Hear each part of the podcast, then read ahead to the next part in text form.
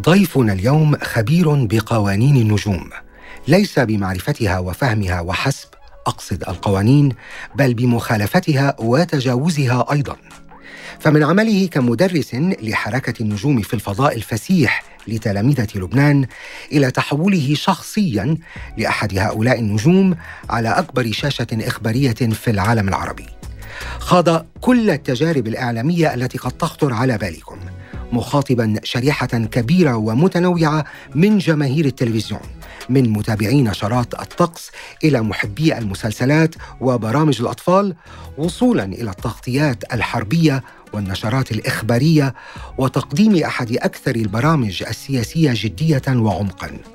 إنه الوجه الإعلامي المحبوب والمتميز الزميل جلال شهده جلال أرحب بك معنا في هذه الحلقة من أثر الفراشة بمناسبة يوم الجزيرة السادس والعشرين. أهلا وسهلا بك معنا.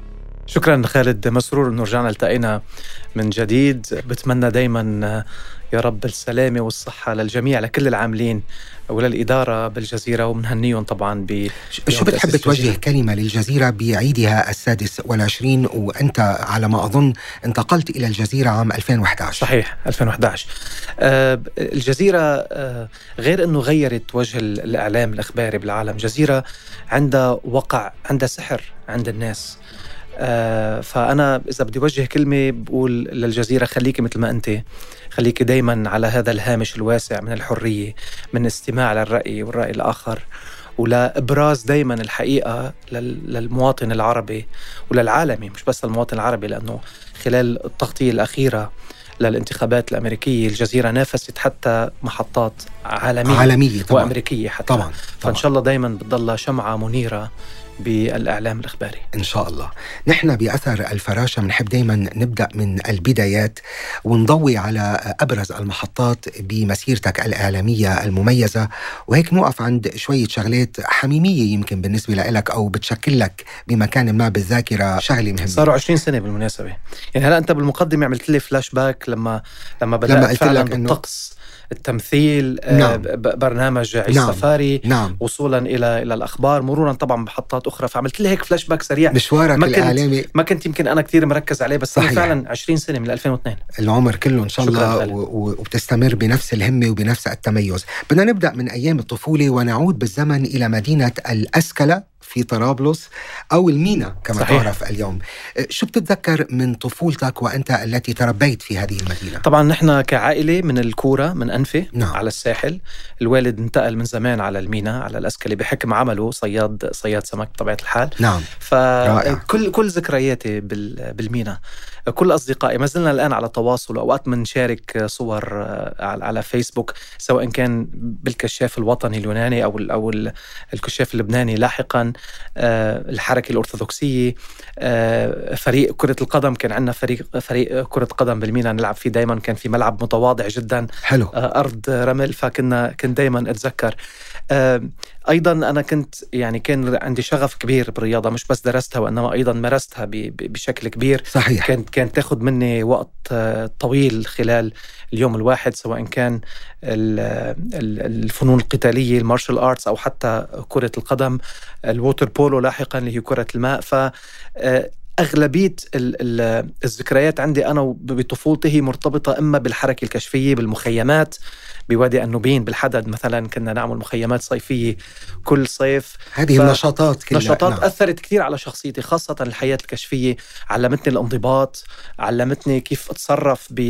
ب... ببعض المواقف المعينة لسيما لما بتكون مثلا لما بتواجه أي صعوبة إن كانت. آه، الرياضة كمان علمتني كثير من التهذيب والانضباط وإمتى أستخدم عقلي إمتى أستخدم عضلاتي والى آخره. هي هي تهذب النفس صح. بك بس بتعرف البحر مكون أساسي في منطقة المينا طبعا, طبعا. وهو يعني بيحمل رمزية سعة وانفتاح وتفاعل تجاري وثقافي أيضا سياسي وعسكري كبير يرجع لعصور ما قبل الميلاد. صحيح. هون يعني ما معنى أن تعيش في مدينة تاريخية وبحرية مثل الاسكله وما الذي يضيفه هذا على الشخصية وتجاربها في الحياة بشكل هي بالمناسبة الاسكله معناتها مرسى سفن صحيح فأنا طبعا كنت روح مع الوالد على البحر ونتصيد سمك وكنت كنت شوف الفرحة بعيونه لما يشوف الشبك طالع من المي وبتعرف لما السمكة بتكون المي بيكون لونها فضي عم بيلقلق هيك نعم. فكنت عيش هذا الفرح وهذا هذا الجو نعم. ونخلص لما نشيل السمك نروح نبيعهم أو ناخذهم إلى البيت وناكلهم جميل. فهذه مرحلة كمان كثير مهمة كمان بحياتي علمتني كيف آه، إنك تكسب رزقك بطريقة شريفة وبطريقة آه، آه، ما تاكل مال حدا ما تتطاول على حدا تدور على رزقك بالمكان اللي أنت تلاقيه. وبتعرف خالد البحر مثل ما بيقولوا عنه غدار. البحر كتير أوقات يكون الموج عالي و... صحيح. ولكن الوالد كان كان يعرض حياته للخطر. حتى يأمن آه، لقمة عيش كريمة لأولاده وتيعلمنا آه، ويعني يعطينا هذه الشخصية اللي إحنا فيها الآن. فأيضا كنت روح معاه على على صيد السمك وكنت شوف هذه الدورة كيف بتصير من لما بتروح بالليل بحط الشبك بيطلع السمك بترجع بينباعوا السمكات أو بياخذ سمك على البيت جميل. هذه المهن أصلا بالنسبة لي لها خاصية بمكان صحيح. ما لأنه فيها ارتباط مع الطبيعة وعلاقة مباشرة مع الطبيعة.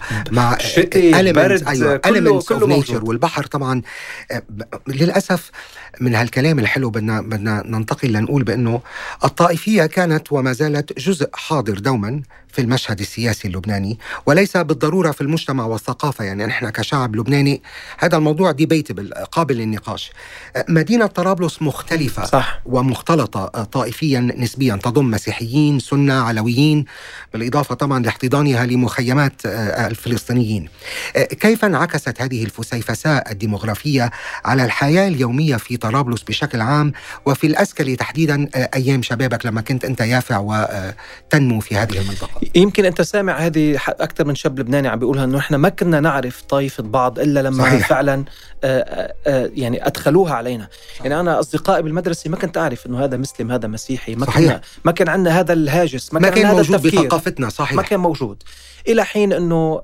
طبعا طرابلس مثل كل المناطق بلبنان شهدت حروب إما على صعيد داخلي أو حروب على على صعيد أوسع يعني إقليمي على صعيد الحروب الداخليه صار في بعض المجموعات اللي هي تعتبر مجموعات تنتمي إلى فئة معينة فحاولت بأنه تنشئ أو تنشئ حالة معينة ب نعم. ب لون واحد. لون واحد. نعم. المينا بفترة من تقريبا من أواخر أو خلينا نقول بداية الثمانينات لمنتصف الثمانينات. نعم.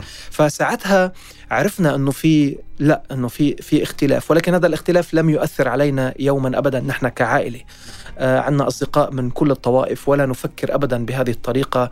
حتى أنا كنت يعني آه الوالد الله يطول بعمره دائما كنت آه يعني أقول نكتة عنه إنه لما كان يروح على السوق تيتبضع. فكان ياخذني معاه. فكان المشوار يلي يحتاج إلى نصف ساعة معه كان ياخذ ساعة أو ساعة ونص. ليش؟ لأنه بدر اللحام بده يوقف يتكلم معاه خمس دقائق. والفران بده يتكلم معاه عشر دقائق. وأبو جورج الخياط بده يتكلم فكان في هذه الألفة هذه الألفة وهذا النسيج يلي نعم. هو أنت ما بتشعر بأنه في فوارق أو في أي صحيح. نوع من ال صحيح. من ال الانعزال ابدا ف... على الرغم طبعا من ظهور حركات متطرفة اللي هي دواعي الحرب الأهلية جميل جدا يعني مؤخرا كان لك موقف مهم للحقيقة لأنه غردت منذ وقت قريب قلت أنا جلال العربي المشرقي المسيحي صح. ترفض الإساءة للنبي محمد عليه الصلاة والسلام صح. يبدو لي أن اختيارك لكلمات العربي والمشرقي والمسيحي ينم عن تصور أعمق لعلاقة المسيحيين بالعروبه والمشرق 100% الذي يحضر به الإسلام طبعا كمكون أساسي، كثير بحب أسمع رأيك حول هذا الموضوع لأنه موضوع حساس ومهم جدا. وأنا صياغتها بهذه الطريقة مثل ما قلت كان لها دلالة أعمق. نعم. لأنه نحن ولا مرة بنعتبر نفسنا ننتمي إلى دين، نحن بننتمي إلى إلى إلى عروبة، إلى منطقة وبالآخر بيجي عنا الدين، الله قبل قبل كل شيء بغض النظر عن ال عن عن الطائفة. أو عن الدين فالفكرة كانت إنه بوقتها كان في هذه الهجمة الشرسة على نبي أي نبي كان أنا مثل ما بنزعج لما حدا بيتهجم على على أي رمز ديني أو شيء ديني له علاقة بطائفتي. أيضا بنزعج لما بده يصير في تهجم. وصار في صارت مثل كأنها حملة ممنهجة يعني صار مثل كأنه عن قصد يعني مش بس قصة دفاع عن حريات كما يقولون إلى آخره. نعم إساءة مقصودة. إساءة مقصودة عن سابق إصرار وتصميم بل يعني حاولوا كمان بأنه ينموها أكثر.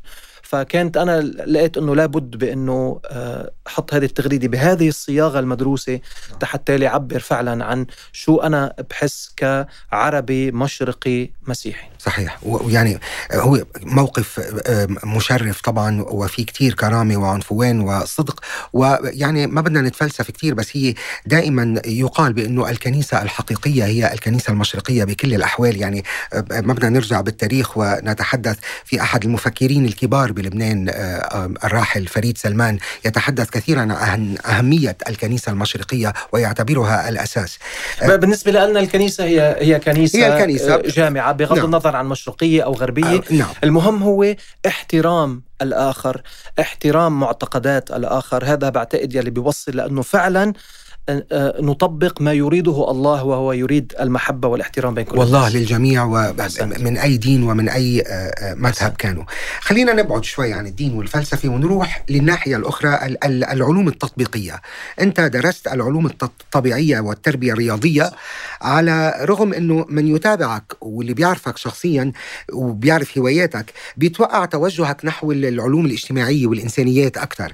لماذا هذا التخصص بالذات يعني و وشغفك بهذا الموضوع هل بعده مستمر منذ تلك الأيام؟ مثل ما قلت لك لأنه أنا الرياضة كانت آه، يعني تاخذ ساعات مني بال نعم. 24 ساعة فكان هذا الحب أنا لقيت إنه لازم كمان آه، أتوجه فيه إلى مكان آخر نعم. ففعلا صار عندي اهتمام أكبر بالرياضة دراسة العضلات الجسم إلى آخره شو اللي بيتناسب مع كل مع كل رياضة وهيك اللي صار نعم. آه ولكن أنا عندما بدأت بالمناسبة آه، مشواري المهني التلفزيوني مع ال بي سي كنت ما زلت أنا بعلم بالمدارس وأيضا آه، بالتلفزيون.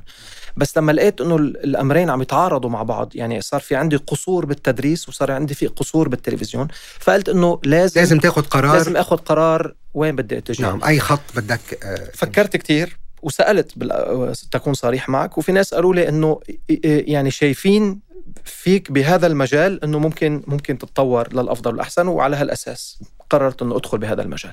علاقتي مع الرياضة انقطعت لفترة طويلة جدا جدا جدا لأنه كمان بتعرف التلفزيون الإعلام بيأخذ كل وقت كثير نعم. من منه سهل ابدا, أبداً. و... وكان سفر وتنقلات من لبنان إلى الإمارات دبي بعدين إلى قطر. وقت صار اللوك داون الحجر الصحي بكورونا بسبب وباء كورونا بسبب نعم. كورونا آه، بلشت أركض. صار عندي حب لرياضة الركض الجري.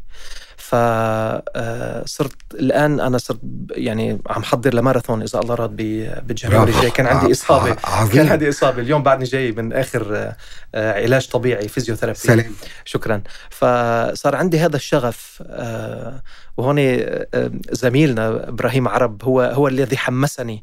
حمسني بدون ما يحمسني. يعني كنت أنا أشوفه شوف البوستات تبعوله على الإنستغرام. فصرت شوف إنه هو كمان غير نمط حياته لأنه هو كمان كان شوي وزنه زايد نزل من وزنه فأنا تحمست فبلشت أركض تحت البيت أبعد أبعد أبعد أبعد حتى اللي صرت لهذه المرحلة اللي أنا فيها آه اليوم.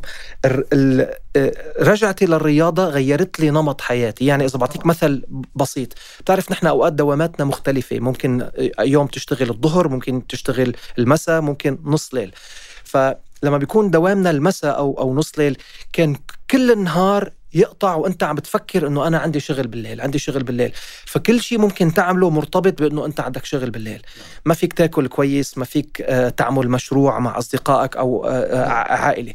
ولكن الآن أنا ممكن إذا عندي شغل الساعة 7 ممكن أركض الساعة 5 وأجي على البيت غير ثيابي وأجي على الشغل الساعة 7 فعودتي للرياضة رجعت غيرت لي نمط حياتي. نعم. وما حكون يعني أو حكون صادق معك. طلعت لي كثير من الضغط النفسي اللي كنت أنا بفترة من الفترات. طبعا. سواء كان ضغط العمل أو آه، ضغط الحياة اليومية. صحيح. فكمان نفس عني تساهم جدا الرياضة بي بي فندمت إنه أنا بعدت هالقد فترة عن الرياضه مع إنه كثير كانوا زملاء كانوا يدعوني. كان يصير مثلا تجمعات مثلا بتركيا أو بدول أخرى حتى نرجع نجتمع ونعمل نمارس رياضة الأيكيدو اللي أنا كنت بعملها اللي هي martial arts فنون قتالية. ولكن كنت منقطع تماما. الآن أنا رجعت إلى هذا هذه الحياة. الجري تحديدا يعني كمان لأنه وأنا أمارس الجري فبعتبره فشة خلق فظيعه 100% وطبعا كل يعني هلأ اليوم الدراسات العلمية كلها بتقول لك على أهمية المشي والجري صح. في إطالة عمر الإنسان. و... آه، قبل ما نختم المحور الأول طبعا بنعرف إنك أنت كنت يعني مدرس ومهتم بالتدريس وخضت بهذا المجال. آه، كيف تصف التغيرات التي طرأت على مجال التعليم آه، في العشرين عاما الماضية؟ وبين ما اختبرته أنت كمعلم وبين ما يختبره أولادك اليوم أنا برأيي أفضل كتلامذة بكثير السيستم صار أحسن صار أسلس. نعم. ما بقى في هذا الضغط. هلا باستثناء بعض المدارس أو بعض ال- ال- مناهج المناهج.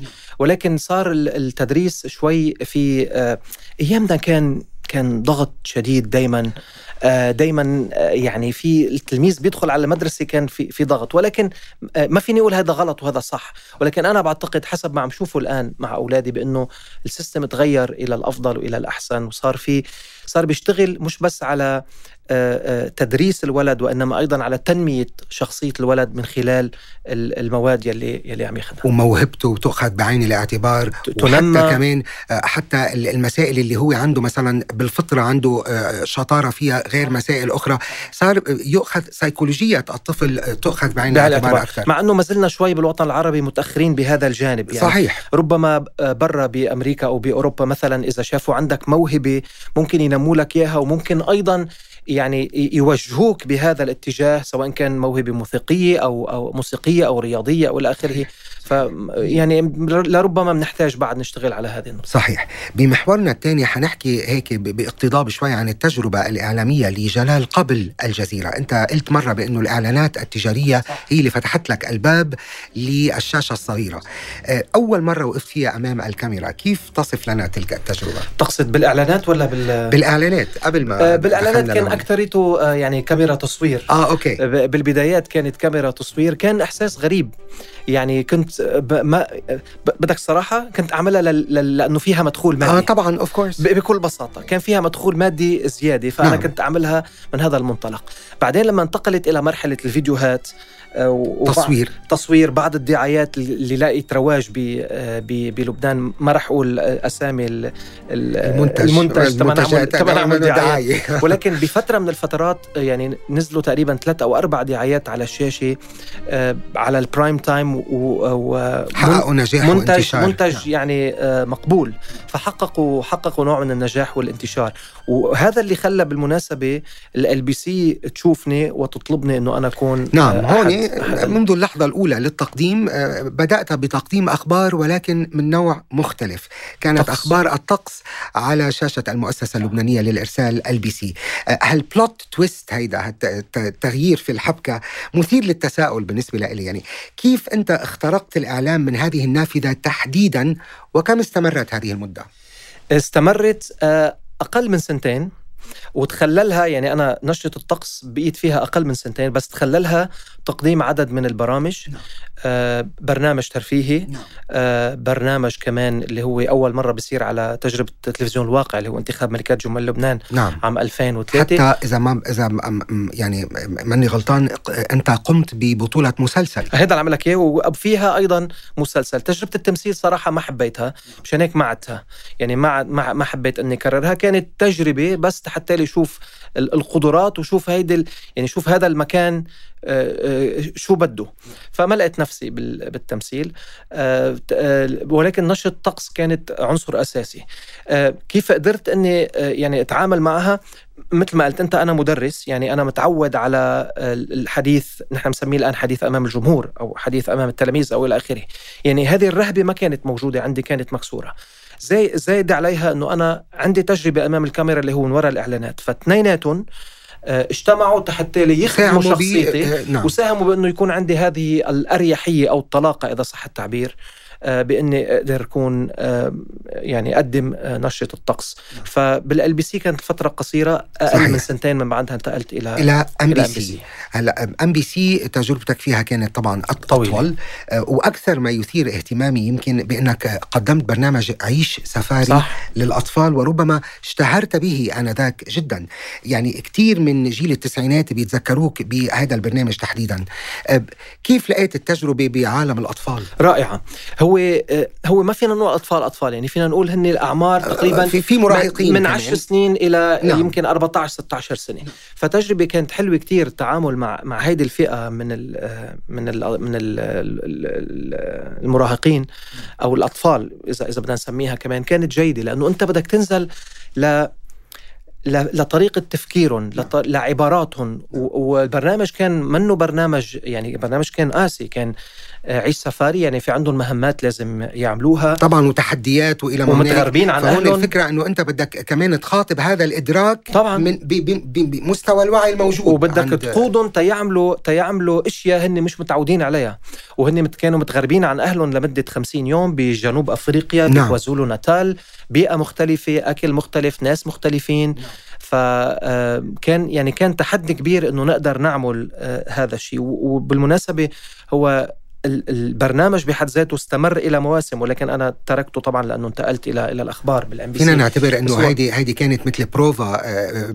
قبل ما أنت حضرتك تصير هلأ آه، وأب وعندك ولدين ممكن فكانت ممكن, يعني ممكن مثل التعامل بروفا ممكن. التعامل مع الأطفال والتعامل مع حتى الأولاد بكل الفئات العمرية. بالحياة الكشفية أنت كمان بتمرق بهذه المرحلة. صحيح بالحياة صحيح. الكشفية اولا بت- بتكون يعني بتكون ضمن بسمونه ال louveteaux يعني بيكونوا ال ال ال ال ال الأولاد أو الأطفال بيكون في حدا مسؤول عنهم إلى انه أنت تتدرج وبتصير أنت مسؤولين مسؤول كمان عن فرقة. فكمان كان عندي هذا مشان هيك أنا قلت لك الحياة الكشفية أثرت كثير على على طبعا حياتي اليوم. وعلى خياراتك نعم. فممكن كمان كانت كانت هذه يعني مرحلة حتى لاختبر الأطفال بس مرحلة ممتعة كانت جدا العمل بعيش سفاري. جميل. ومن بعدها صار في البلوت تويست الثاني وسريعا يلي اخذك بقى باتجاه معاكس تماما باتجاه السياسة عام 2011 بينما كان العالم العربي يخوض ربيعه الذي سيغيره للأبد. يمكننا القول بانه جلال كان يعيش ربيعه كذلك لأنه وقع حدثان كبيران سيغيران حياتك إلى الأبد. الأول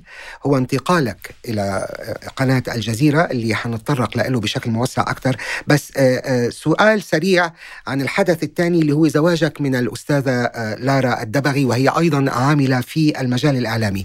كيف كان أثر الزواج على مسيرتك الإعلامية والمهنية؟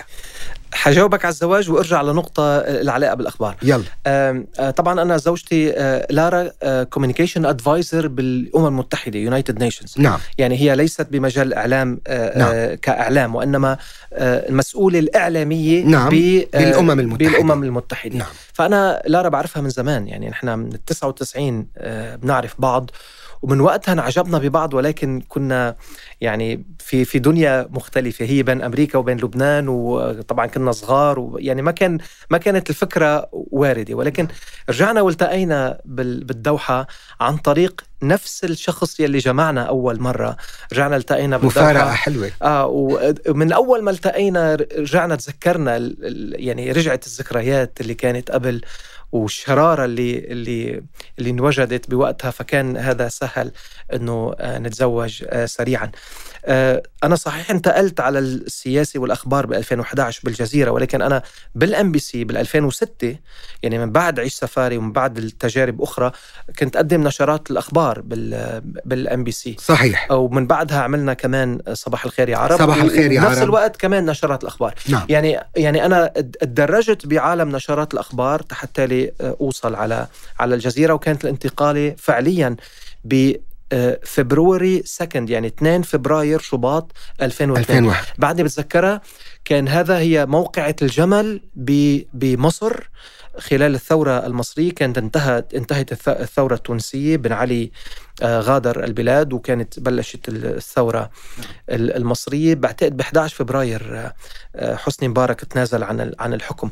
فبهذه المرحلة كان العالم بغليان. طبعا. وكنت أنا يعني لما تواصلوا معي الجزيرة وقالوا لي إنه حابينك تكون على شاشتنا كان بعزين وقت الربيع العربي فأنا أو يعني ما عدت مصدق إنه إنه مزبوط عن جد إنه الجزيرة حلم كل كل إعلامي فكيف نعم. إذا كان إعلامي طموح وبحب يشتغل أكثر حتى ليوصل أكثر نعم فكانت يعني أفضل مرحلة بحياتي انتقالة هي مهمة جدا. إيه وطبعا أنت يعني تتعمق بقى بمجال الأخبار صح. والسياسة أكثر. يعني وكان بهالوقت أنا لازم قرر وين بدي أتجه. طبعا. بدي ضلني ب... شو شو يعني كان بهذا الوقت بتعرف وان شوي أخذت وقت. أنا بال 2010 تعرضت لحادث. كن... كنا أعمل رياضة كارتينج. بدبي. نعم. كنا فريق الام بي سي نعمل سباق كارتينج. فتعرضت لحادث وصار في عندي خرزه من الخرزات صار فيها مشكلة. في العمود الفقري. في العمود الفقري. سلام. وانتقلت إلى المستشفى وعملت عملية بلبنان وضليت فترة نقاهه 40 يوم تقريبا. فأنا خلال هذه الفترة كنت كل وقت عم فكر إنه أنا لازم إذا إذا ناوي فعلا تابع بحياتي المهنية لازم اقرر الآن شو بدي أعمل.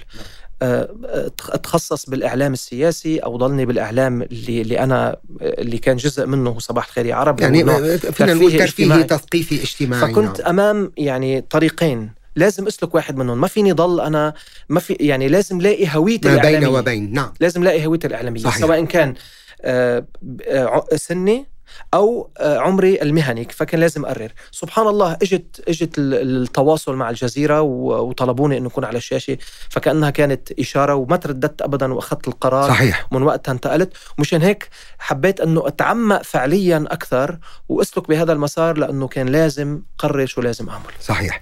أنت حين وصلت إلى الجزيرة كنت ربما من أكثر وجوهها شبابا على النشرات وعمرك أقل من 40 سنة. طبعا. وصلت في لحظة فارقة. طبعا 35 أو 34 طبعا هي اللحظة الفارقة اللي هي لحظة الربيع العربي. طيب كيف كانت بدايات العمل في قناة الجزيرة بالنسبة لجلال؟ كان تحدي كبير لأنه ما كان في وقت نعمل orientation تعرف كل موظف بيجي على محل جديد نعم. بضل فترة بيعرفوه أكثر على طبيعة ياخذ العمل. جو الشغل نعم. لأنه كان ثورة ثورات الربيع العربي فما كان في وقت. كل العالم مشغولين التغطية 24 على 24 ف يعني زجوا بي على كرسي المذيع فجأة بدون أي تحضيرات مسبقة بدون أي فهم للكونسبت نعم. ولكن الحمد لله يعني كانت كنت قد التحدي. الحمد لله نشكر أعتقد كنت قد التحدي. أكيد. لا أجزم. وكمان بوقت يعني مبكر نسبيا من وصولك بدأت بالتغطيات الميدانية صحيح. اذا بتذكر شفناك بعدن صح. اليمنية مثلا وبعدين ذهبت إلى أفغانستان تركيا ليبيا. الولايات المتحدة ليبيا العديد من العواصم العربية صحيح. والعالمية كيف كان أجواء التغطيات يلي أنت قمت فيها. الفرق بين ديناميكية العمل بالفيلد على أرض الواقع وبين الأستوديو التحديات اللي واجهتها. وين لقيت نفسك أكثر؟ على أرض الواقع ولا كمذيع؟ ب... باثنين هن اثنين بيكملوا بعضهم خالد. يعني آه آه هذا إحساس وهذا إحساس آه مختلف. ولكن نعم. أنا أنا بطبعي بحب التغطيات المباشرة. نعم. وبحس إنه عندي القدرة على قيادة تغطيات مباشرة.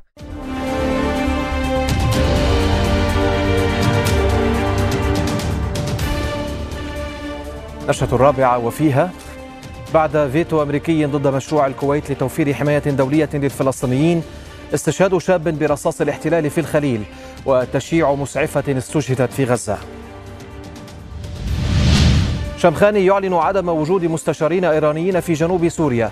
ويؤكد استمرار دعم نظام دمشق والمعلم يطالب بانسحاب القوات الأمريكية من التنف وهون دائما يعني أنا بشكر الإدارة إنه دائما بتحط ثقتها فيني بهيك تغطيات على مدى طويل وعلى ساعات طويلة. مثلا تجربة ليبيا نحن كنا رايحين نغطي ذكرى الثورة الليبية واستتحول هذه الذكرى إلى ما بدي أقول حرب ولكن بداية الحرب اللي عم نشوفها نعم الآن نعم. بداية سطوع نجم خليفة حفتر نعم. وانشقاقه عن الدولة وتأسيس جيش وإلى آخره فتحولت إلى إلى تغطية مفتوحة. في عدن كمان كنت أنا موجود خلال 33 يوم قبل ما يدخلوا الحوثيين على على عدن بساعات فقط. أنا غادرت غادرت عدن. يعني كمان كانت تغطية مباشرة وعلى ساعات طويلة. نعم. في كمان عند عندما دخل تنظيم الدولة داعش إلى الموصل كمان كنت في كردستان العراق كمان كنت أقود تغطية هناك. فكانت دايما تغطيات مكثفة سواء كان لأنه هي كانت فعلا الحدث أو لأنه الأمور تتطور خلال هذه التغطية. نعم. أو مثلا ذكرت حتى بأمريكا كنا نحن توجهنا حتى لنغطي تنصيب جو بايدن ب 2020 إجراءات أمنية مشددة هنا في واشنطن عبد القادر وحالة توتر غير مسبوقة. عندما نقول بأن العاصمة الأمريكية واشنطن تحولت إلى ثكنة عسكرية لا نبالغ أبدا وسأشرح لكم لماذا. تغطية تبع الولايات المتحدة تحديدا كانت, كانت تغطية استثنائية صحيح أنا ومميزة جدا صحيح. جدا يعني 8 ساعات على الهواء نعم. بشكل متواصل نعم. آه ما بعرف منين إجاني هذا ال... هذا الهدوء وهذه الحماسة بنفس الوقت نعم. وال والقدرة على إنك تضل 8 ساعات صاحي عم أنت عم بتشوف أنت ما بتعرف شيء ما بتعرف شو عم بيصير أنت بس عم بتشوف اللي عم بيصير أمامك وعم تنقله وعم تسال وعم تهدى وتواكب الأحداث بشكل ويعني مثل ما قلت لك نحن بدأنا هي تغطية تنصيب جو بايدن واذ يتحول المتظاهرين وبيهجموا على الكونغرس. الواقع نحن يعني ال location اللي كنا فيه هو مقابل الكونغرس تماما. ونحن انفردنا وقتها بصور وبتغطية. مشان هيك أنا قلت لك نافسنا حتى المحطات المحلية. نعم. لأنه كان عندنا صور خاصة وكان الشرفة اللي نحن فيها ورانا يعني فعلا. فنح فأنا شوف كنا عم نشوف الناس عم تجي وعم تقرب على على مبنى الكابيتول وكيف عم بتعربش على ال على ال على الشرفات وعم تدخل فكان شيء غريب عجيب. يعني أمام دهشة وبنفس الوقت أنت بدك تنقل هذه الصورة للمشاهد العربي اللي هو مسمر أمامك وعم بيتابع اللي عم بيصير. فكانت تغطية أعتقد جميل جدا. رائعة كانت للجزيرة. من بعدها بشوي دخلت عالم تقديم البرامج. فرحت على برنامج بلا حدود. منذ عام 2017 صحيح. آه وهو طبعا أحد البرامج الكبرى في قناة الجزيرة. بلا حدود من الدوحة أنا جلال شاد أحييكم. أنت التقيت عدد من الشخصيات الكبيرة والمتنوعة من كل أنحاء العالم. بحب أعرف من الشخصيات اللي حاورتها يلي أثرت بك وتركت هيك يعني تركت بصمة عندك؟ أغلب الشخصيات يعني تم سمي تم سمي حدا أغلب الشخصيات. لأنه مثل ما قلت بلا حدود يستهدف شخصيات فعلا فارقة. أما إحنا حابينك تسمي يعني. أو مفكرين أو طبعا في شخصيات تركت أثر أو انطباع إيجابي وفي شخصيات تركت, تركت انطباع, انطباع سلبي. سلبي. بس كل شخصية كان عندها تميز بجهة ما أو بطريقة ما. في شخصيات كانت تتهرب من من الإجابات بطريقة ذكية جدا. في شخصيات كانت تتهرب بطريقة يعني لا تليق بالمركز اللي هو بيقدمه. بس لنوضح إنه أنا لما بدأت بتقديم بلا حدود كنت بدأت لأنه الزميل أحمد منصور كان ابتعد شوي عن نعم. عن الشاشة نعم. فبدأت بلا حدود إلى استمر إلى أنه وقف قبل فترة نعم. قصيرة لعدة أسباب منها تحريرية منها تتعلق بشكل الجزيره إلى آخره فالبرنامج كمان أعطاني كثير إذا بدي أقول عمق بالتفكير وطريقة التحضير لمقابلة أي شخصية أي شخصية كان. لأنه بلا حدود بيتطلب منك أنك تدرس الشخصية مش بس مش بس تسمع مواقفه السياسية. تعرف تاريخه. تصريحاته تقلباته السياسية. يعني كان بيتطلب شغل على الأقل ثلاث أيام هون هون في سؤال بيطرح نفسه. it's interesting لأنه طبعا مثل ما قلت أنت تستعد جيدا قبل ما تقابل أي ضيف. بدك تعمل research بدك تحضره إلى ما هنالك. هون طبعا بس كل مؤسسة في لها خط تحريري في لها معايير معينة. إلى أي درجة هون جلال بيلاقي في تحدي بأنه يكون جسور وجريء بطرح بعض المواضيع؟ وبين طبعا يعني عدم خروجه عن إذا بدك الحدود المسموح بها. هل قدرت شي مرة أن تكون يعني أن تتحدى أحد الضيوف أن تغرد خارج السرب بمكان ما؟ هو البرنامج قائم على ما بدي أقول تحدي وأما هو قائم على فكرة بأنه أنت تطرح أسئلة فيها ما هي مثار شائكة جدل أصلا هي جدلية مثيرة يعني للجدل. أو, أو أفكار الضيف تكون جدلية فيها فهو قائم على هذا الأساس. فبأغلب الحلقات كنا نحقق هذا الشيء. بأكد لك خالد ولا مرة طلب مني بشكل مباشر أو غير مباشر بأنه آه، يعني آه، يعني ولا مرة صار في توجيه نعم للحوار إنه يجب الالتزام بكذا أو كذا ولا مرة سألت سؤال أو أو طلعنا بحلقة ومن بعدها إجاني أي نوع من ال- آه، العتب أو ال- أو الملاحظات جميل. ولا مرة شلنا أي فقرة من من من البرنامج حلو. أو قصينا تصريح للضيف إلا إذا كان هو طالب نعم آه، وإذا كان هذا لا يتعارض مع آه، آه، يعني آه، ميثاقنا ال- ال- الإعلامي نعم. وميثاق الشرف الإعلامي نعم. بس بنفس الوقت وهون المهم أنا أنتمي إلى مؤسسة مؤسسة عندها خط تحريري واضح نعم. عندها ضوابط واضحة فأنا تلقائيا يجب أن أفهم هذه الضوابط وأتصرف على أساسها. بعتقد لما بيصير في هذه العلاقة ما بين ال- المذيع والإدارة وفهم الخط التحريري ما بعتقد بيكون في عندك مشاكل. لأنه صحيح. لا مطلوب منك إنه أنت آه، تعمل شيء غير قناعاتك بس بنفس الوقت ما مش ما لازم أنت آه، آه، تعمل شيء أو تقول شيء غير آه، الخط التحريري اللي نعم. هو بتتبعه صار في أنا أعتقد اللي ما بيقدر الاندماج ما بيقدر يحقق هذا الاندماج ما بيقدر يستمر بمحل مثل الجزيرة. طبعا نحن نحتفل اليوم بالذكرى السادسة والعشرين لانطلاق الجزيرة. امتازت الجزيرة مثل ما كنت عم تقول بخطها التحريري الفريد اللي كسر بوقتها الاحتكار الرسمي للإعلام. فكانت حاضرة منذ آه، تأسيسها في قضية فلسطين تحديدا بشكل واضح غزو العراق الربيع العربي وما تلاه وتضررت هي وفريقها كثيرا من أجل ذلك. هون وفي حدا مرة سألني هذا السؤال وقلت له الحقيقة بدي أسأله إياه لجلال. هل تعرضت أنت شخصيا لأي موقف في تهديد كان على حياتك أو ضرر أو أي شيء من هذا القبيل؟ بفترة من الفترات صار أي حدا بينتمي للجزيره يتعرض إلى إما تنمر إما تهديد إما إلى آخره بمراحل يمكن ماني حابب أرجع أذكرها بس أكيد تعرضنا. حتى بفترة من الفترات خلال آه، ما تعرف في ثورات الربيع العربي اضطرينا انه نغير أرقام تليفوناتنا لأنه كان يوصلنا آه، رسائل تهديد. آه، حتى بتذكر مرة كنت مسافر مع عائلتي ومارر بلندن يعني فلما فتحت تليفوني فإجاني كمان تهديد بلندن إنه نحن بنعرف إنه أنت بلندن وانتبه على حالك وعلى عائلتك والى آخره. إيه فاضطرينا بهذه الفترة بأنه آه نغير أرقام تليفوناتنا وإنه نعمل إجراءات سلامة أكبر يمكن. آه كمان أخيرا بالأزمة اللي مرقت فيها كمان ال- ال- الجزيرة كمان كنا نتعرض لكثير من التنمر سواء عبر الس- ال social media أو حتى نعم لما الذباب الإلكتروني وما غيره. نعم. فشوف أنا ب- أنا بلاقي هذا يعني شيء آه، طبيعي و- وبعتقد إنه متلازم لاي محطة بيكون عندها هذا الهامش الواسع من من الحرية ومن إبراز الرأي الآخر. نعم.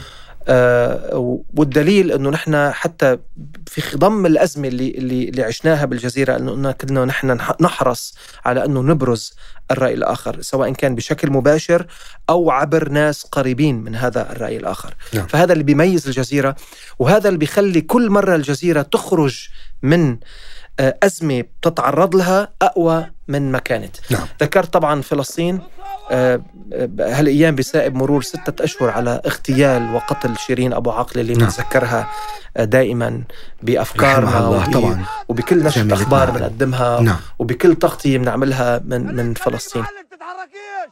وهذه مشاهدينا الكرام وقفة احتجاج يقوم بها موظفو شبكة الجزيرة هنا في غرفة الأخبار وفي استوديو الأخبار. احتجاجا على اغتيال الزميلة شيرين أبو عقلة من قبل قوات الاحتلال الإسرائيلي. وهذا بيان أصدرته شبكة الجزيرة لإدانة هذه الجريمة. يقول البيان في جريمة قتل مفجعة متعمدة تخرق القوانين والأعراف الدولية أقدمت قوات الاحتلال الإسرائيلي وبدم بارد. على اغتيال مراسلتنا في فلسطين شيرين أبو عقلة برصاص حي بينما كانت تقوم بعملها الصحفي في تغطية اقتحام الجيش الإسرائيلي لمخيم جنين للاجئين في الضفة الغربية وهي ترتدي السترة الصحفية بشكل واضح يدل على هويتها. شربنا القضية الفلسطينية آه، وفهمناها كويس انطلاقا من تبني الجزيرة لهذه القضية وحرصها على أنه إبراز آه، قضية الشعب الفلسطيني المظلوم المحتل ومنحاول قدر المستطاع بقول الحقيقة وإبراز الحقيقة نعم. نعم. بوجه بروباغندا عالمية بتحاول تفرجي شيء ثاني مختلف تماما دون شك دون شك ويمكن بهذا المطرح الجزيرة فعلا كقناة عربية لها مكانة خاصة في قلوب كل الجماهير لأنه تتبنى هذه صح. القضية الأحق طب بعد أكثر من ربع قرن على الجزيرة إلى أين ترى الجزيرة تسير جلال وما هي أكبر التحديات التي تواجهها نطمح إلى ربع قرن آخر إن شاء الله بنفس الله. النجاح نعم. بنفس النهج بنفس الرؤية بنفس الهامش من الحرية بنفس الهامش من إبراز الرأي الآخر نعم. بنفس الهامش من الاستماع إلى كل الآراء التغطيات الشاملة على على على وجه البسيطة في الجغرافيا بالعالم الانتشار إذا بتلاحظ خالد الانتشار الجزيرة عم بيزيد أكثر نعم. وأكثر نعم آه من خلال هذه التغطيات يلي يلي عم نعملها وعم ننتقل فيها وكمان هلأ بدنا نحكي عن عن يعني وجود الجزيرة على وسائل التواصل كمان مثلا يتجه الإعلام شيئا فشيئا في العالم اليوم صح. إلى العالم صحيح. الرقمي هون بدي أعرف كيف يواكب جلال هذا التوجه هل تعتبر نفسك أنت اليوم من المؤثرين على وسائل التواصل ولا مرة فكر بهالطريقة ولا مرة فكر أنه بده يكون مؤثر على على وسائل التواصل نعم. الاجتماعي نعم. آه عندي منصة تويتر اللي هي بتعامل معاها بحرفية وبتعامل معاها لعرض بعض الأفكار وبعض الآراء ونقل بعض الأخبار وعندي طبعا المنصات الخاصة اللي هي فيسبوك إنستغرام خصصها أكثر بركي ل... لألي لعائلتي لأصدقائي لنقل بعض النشاطات منها مثلا رياضة الجري وإلى آخره بس ولا مرة بفكر إنه أنا بدي اكون مؤثر على يا أخي أنا على شاشة الجزيرة يعني تأثير الجزيرة من يعني أو خليني أقول تأثيرنا على المشاهدين من خلال الجزيرة نعم هو هو أقوى بكثير من أي وسيلة وسيلة تواصل اجتماعي فما نعم. حاجتنا لوسائل لأنه نكون مؤثرين على وسائل بس بنفس الوقت مع إنه بنفس الوقت أنا أحترم جدا نعم. وسائل التواصل الاجتماعي وبتعامل معها بكل احترام وبكل شفافية نعم. وبكل خصوصية وأرفض ارفض أي تطاول بصير آه، من أي شخصية لأي أحد عبر وسائل التواصل الاجتماعي أو أي تنمر أو أي تقليل من قيمة آه، أي نعم. شخص على وسائل التواصل الاجتماعي. هلا هو هو عالم بعده بمكان ما يعني آه، في معايير فلتانة بده بده ينضبط أكثر وأكثر. بس شفناك بتجربه كانت لذيذة بإيجاز. لما أنت طلعت وصرت تعمل videos و يعني تحدي إيجاز تعلن الاخير تعلن عن أسماء الفائزين. فكمان شفنا وجه مختلف. صحيح. جلال كان ريلاكس أكثر مرتاح أكثر وعلى تواصل مع آه، يعني جمهور الإنستغرام وتيك توك هلأ نحن مقبلين آه، عليها وإلى ما هنالك. تحدي إيجاز جديد يتطلب تركيزا أكبر هذه المرة. ليس هذا فحسب بل هناك مفاجآت تجدونها في ال caption. مستعدون؟ اضغطوا ريمكس واقرأوا النص من ال autocue. طيب شو هو ال plot twist القادم في حياة جلال؟ ماذا تخبئ لنا من مفاجآت؟ إذا قلناها ببطل المفاجآت I know بس السؤال ضروري يعني. أه بتعرف كنا تحت الهواء عم نحكي إنه المذيع خاصة المذيع بالجزيرة نعم. ما لازم أبدا يفكر أنه وصل إلى مرحلة الخلاص الاكتفاء. نعم. لازم أنا دايما خالد بقول أنه أنا أطمح إلى أداء أفضل إلى آه إلى آه بلاتفورم آه، أفضل إلى إلى مكان أحسن إلى ضمن الجزيرة طبعا عم نحكي مش نعم. ما ينفع إنه مكان أحسن غير الجزيرة نعم. لا أقصد يعني هذه الحالة على طول بتعطيني حافز إنه ضلني عم بشتغل وعم أقدم الأفضل والأفضل والأحسن والأحسن اللي أنا بشوفه أفضل طبعا بطبيعة الحال فتجربة إيجاز كانت جيدة جدا آه سواء كان الإيجاز الأسبوعي اللي بيحصل أو الإيجاز اليومي أو حتى تحدي إيجاز. تحدي إيجاز كانت فكرة رائعة اللي هي القراءة من autocue والإعلان عن الفائزين. ومثل ما قلت آه، يعني أنا كمان تخليت عن شخصية جلال شهده اللي بيجلس ورا desk وبيقدم الأخبار أو نعم. بيحاور ضيوف سياسيين هي كانت formal أكثر بتكون يعني تتمت هون هون هون ال ال ال لازم أنت تفهم المنصة اللي أنت عم تقدم عليها وكيف صحيح. تتعامل معها. مشان هيك لقيت رواج. أنا أنا أكيد فاجأتني لإلي وأعتقد أنها فاجأت كمان القيمين على على هذا يعني خلال تواصلنا لأنه هي الفكرة تطورت لما شفنا هالقد في كم من من المتفاعلين تطورت الفكرة بأنه إيه نعمل يعني نعمل مراحل نعلن عن أسماء مرشحة وعن أسماء فائزة بالآخر فكانت خطوة جدا جدا مهمة جميل. وهذا التعامل السليم والصحيح مع السوشيال ميديا أنا برأيي أو مع المنصات الرقمية نعم. هذه إحدى ال ال الاستثمار الجيد للمنصات الرقمية بدل ما يكون مجرد ظهور على على المنصات الرقمية كان استثمار ظهور جيد جدا. بلا معنى طبعا صح. وبلا هدف صح. نعم بأثر الفراشة طبعا التغيير هو شيء مهم جدا لأنه في أمرار تغيير صغير بيكون له ترددات آه، كثيرة وكبيرة ومهمة وإذا بنطلع على حياتك وعلى المحطات قديش كان في تغيرات ساهمت طبعا بأخذك على طرق مختلفة واليوم آه، إلى ما وصلت إليه اليوم اليوم اليوم جلال إذا بده يحب يغير شيء بنفسه ماذا تحب أن تغير في نفسك؟ آه، مهنيا؟ مهنيا شخصيا اللي بدك إياه على أي صعيد مهنيا مثل ما قلت لك أنا للآن بلاقي إنه أنا ما قدمت آه كل ما كل تصبو إليه وتطمح. كل ما اصبو وكل القدرات الموجودة عندي بعد عندي قدرات ممكن إني أقدمها. جميل. آه بالحياة العادية اليومية م- إذا بدي أغير شيء اطلع من الشرنقة كونك أنت الفراشه الفراشة. اطلع من الشرنقة. آه يمكن عصبي شوي أنا زيادة عن اللزوم. نعم. لازم يمكن آه، شوي. جمال هذا السؤال. مش بإنه بس اسألك إذا إنه شو بتحب تغير. هل الإنسان قادر على أن يغير لازم. بنفسه؟ لازم يغير. لازم لازم يواكب آه، يعني أنا أولادي اليوم عمرهم ست سنين. جهاد النفس هيدا. أولادي اليوم عمرهم ست سنين. نعم. آه، جوليان ست سنين هيوغو ثلاث سنين. الله بكره بكرة حيكبروا. فأنا إذا ضليت عم بتعامل معهم وعم فكر بنفس الطريقة اللي كانوا فيها مثل هلأ في مشكلة. طبعا. فالإنسان دائما لازم يتغير يتطور للأحسن للأفضل يواكب اللي عم بيصير حواليه. يعني أنا برأيي الإنسان بحالة تطور مستمرة لازم ما يوقف في محل أبدا. وهيك لازم صحيح. بنهاية هالحوار آه، الأكثر من شيق وممتع معك جلال في عنا سؤال آه، هو سؤال البرنامج. سؤال بنسأله لكل ضيوف أثر الفراشة. إذا كان باستطاعتك أن تغير شيئا واحدا في العالم ماذا تغير؟ شيئا واحدا في العالم. هني كتير إشياء بس إذا بدي أغير شيء هو وقف معاناة الشعوب.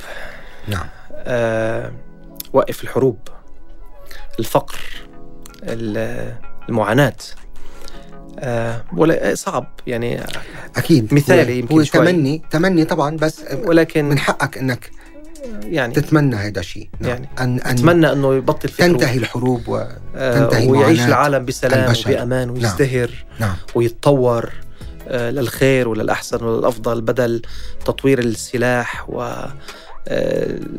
تسارع التسلح اللي عم نشوفه بالعالم نعم. اللي عم بيزيد الأمور. شوف يعني مين كان بيتوقع إنه حرب بأوكرانيا نعم. ممكن تسبب كل هالألم يلي عم نشوفه الآن؟